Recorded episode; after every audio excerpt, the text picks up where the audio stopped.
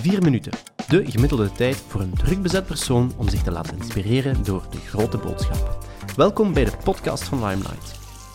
Goed, Joris, uh, we hebben het al gehad over uh, de opstart van Vintif, uh, over jouw carrière um, en ook over ja, heel de evolutie van de automatisatie. als ik dat zo hoor, hebben wij straks nog wel arbeiders nodig om werk te kunnen doen? Ja, absoluut. Ik denk dat, dat dat een zekerheid is dat we mensen gaan blijven nodig hebben, zowel technisch geschoolde mensen als praktisch geschoolde mensen. En zeker die laatste. Ik denk dat de, de zoektocht naar technisch geschoold personeel groter is dan ooit.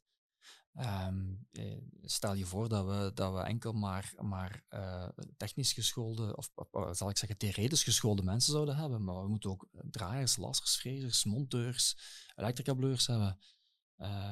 Maar sterker als dat, ik bedoel, metsers, mensen die, die, die, die met hun handen kunnen werken, die blijven, die een métier kunnen uitoefenen, die blijven superbelangrijk. En je ziet toch wel een evolutie ook naar, naar het onderwijs, dat daar toch knelpuntberoepen ontstaan dus ik wil zeker een, een lans breken voor die technische beroepen. En eigenlijk zou, zou, er, uh, ja, zou er een beweging moeten komen om techniek terug chic te maken, om het zo te zeggen.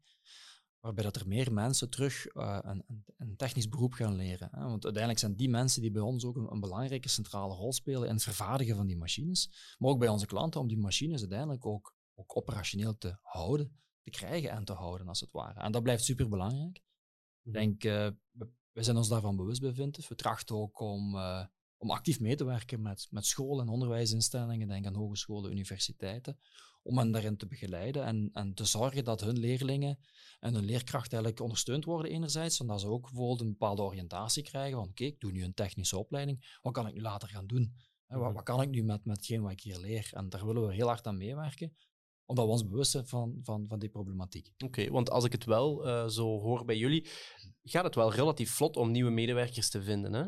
Ja, vlot is misschien sterk uitgedrukt. We, we hebben ergens natuurlijk wel een, een, een, voordeel dat eh, het ontwikkelen van protomachines en, en het bouwen van machines die nog niet bestaan, dat spreekt tot de verbeelding. Dus als je actief bent in de technologische sector, ja, dan is dat wel natuurlijk een leuke speeltuin waar je als techneut heel je, dingen kwijt kunt. Hè. Dus dat, dat telt mee.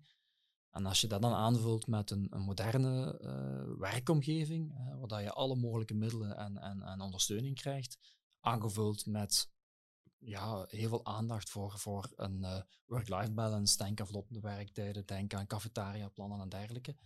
Die nu voor de, voor de tegenwoordige arbeidsmarkt super belangrijk zijn. Ja, dan kom je tot een mix waarbij dat je rap aanschouwd wordt als een aantrekkelijke werkgever.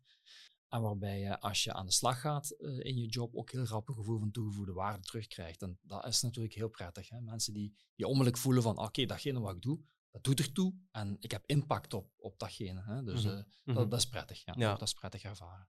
Ja, ja oké. Want ik denk inderdaad, uh, het feit dat jullie, zoals je zelf zegt, hè, bezig zijn met die prototypes en, en natuurlijk het, het, resultaat van wat je ziet, uh, met werken met laatste nieuwe technologieën, dat dat natuurlijk ook zeker, zeker bedrijf, of mensen nieuwe medewerkers aanspreekt. Hè? Ja, ja, absoluut. Dus allee, natuurlijk zijn wij altijd op zoek naar nieuwe mensen en, en, en er is een, uh, de, de, het vragen, de vraag en de aanbod is niet meer in balans, dat is duidelijk. Um, maar al bij al mogen we niet klagen en zitten we natuurlijk ook geografisch op een, op een locatie hè, tussen Antwerpen en Limburg in, juist op de grens. Uh, ja, die maakt dat, uh, dat de toestroom van, van nieuwe mensen al bij al behoorlijk vlot loopt. Goed. Joris, onze tijd zit er weer al helaas op. heb jij misschien nog een, een, tip voor de luisteraar die wel struggelt met het vinden van de juiste technische profielen? Ik denk dat het heel erg belangrijk is dat je, dat je nadenkt over, over de, de, de visie en de normenwaarden van je bedrijf. En dat bedoel ik niet mee om dat op een A4 te schrijven, maar om dat pragmatisch aan te pakken. En ervoor te zorgen dat de mensen die voor je bedrijf kiezen ook echt geloven in datgene wat je doet. En als dat het geval is en ze vereenzelvigen met, uh, met het doel van, van het bedrijf, ja, dan, dan ga je altijd uh, succesvol zijn, denk ik. Heb je daar praktische voorbeelden van, van hoe dat jullie dat inderdaad uh, proberen te realiseren binnen Vintif vandaag de dag? Ja, we trachten om heel uh, open en transparant te zijn. Uh, denk aan uh, ieder kwartaal personeelsvergadering om te vertellen wat enerzijds de zakelijke cijfers zijn van het verhaal, maar ook wat we gaan doen, welke projecten eraan komen, welke projecten we gedaan hebben, hoe die zijn afgesloten. daar komen frietjes bij kijken, hè, dus iedereen weet, personeelsvergadering, we gaan samen een frietje eten.